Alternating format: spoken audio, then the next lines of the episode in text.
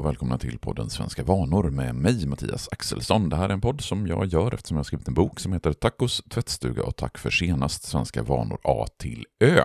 Den boken går att beställa via svenskavanor.se. Idag är det den första torsdagen i mars, den 2 mars 2023.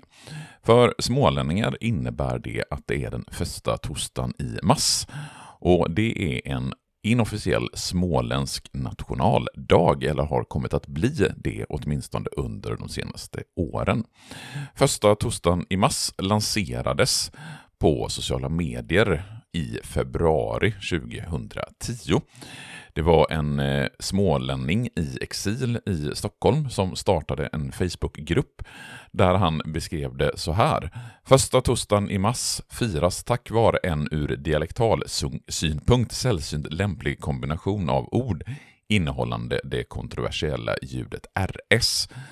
Och i första torsdagen i mars så ingår ju tre stycken RS, vilket gör att man som smålänning uttalade första tustan i mass”.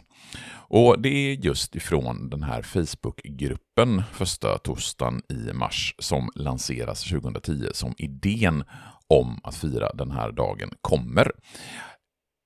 Dagen har under 2010-talet vuxit i omfattning.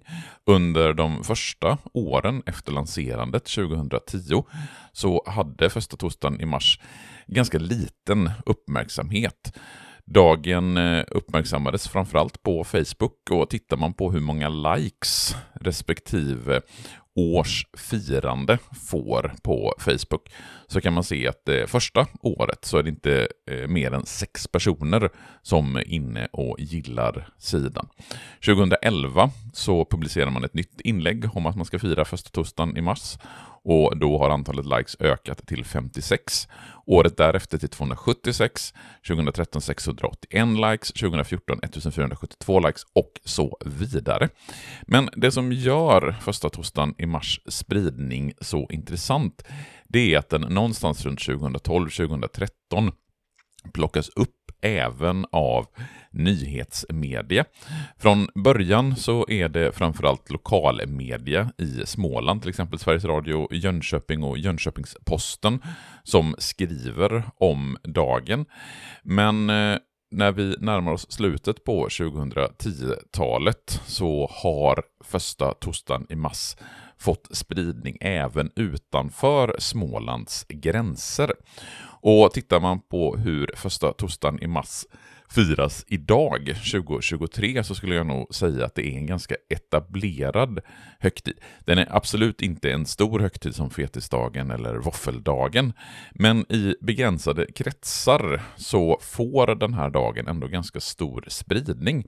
Och tittar man på konditorier i städer utanför Småland, som till exempel Göteborg eller Stockholm, så är det en hel del konditorier som har massipantåta, som ju är den bakverk som man förknippar dagen med. Och att man har ett bakverk som man kan förknippa med första torsdagen i mass, det är helt avgörande för dagens spridning. För i och med att man kan koppla på kommersiella intressen på högtidsdagen så kan dagen få spridning även utanför sociala medier. Att man har en marsipantårta som man kan sälja på konditorierna gör att första torsdagen i mass faktiskt etablerade sig och idag är en dag som många i Sverige firar. Framförallt i Småland, men även utanför. Vill du veta mer om olika typer av svenska högtider och vanor så köp gärna min bok Tacos tvättstuga och tack för senast. Den finns som sagt att beställa på svenskavanor.se.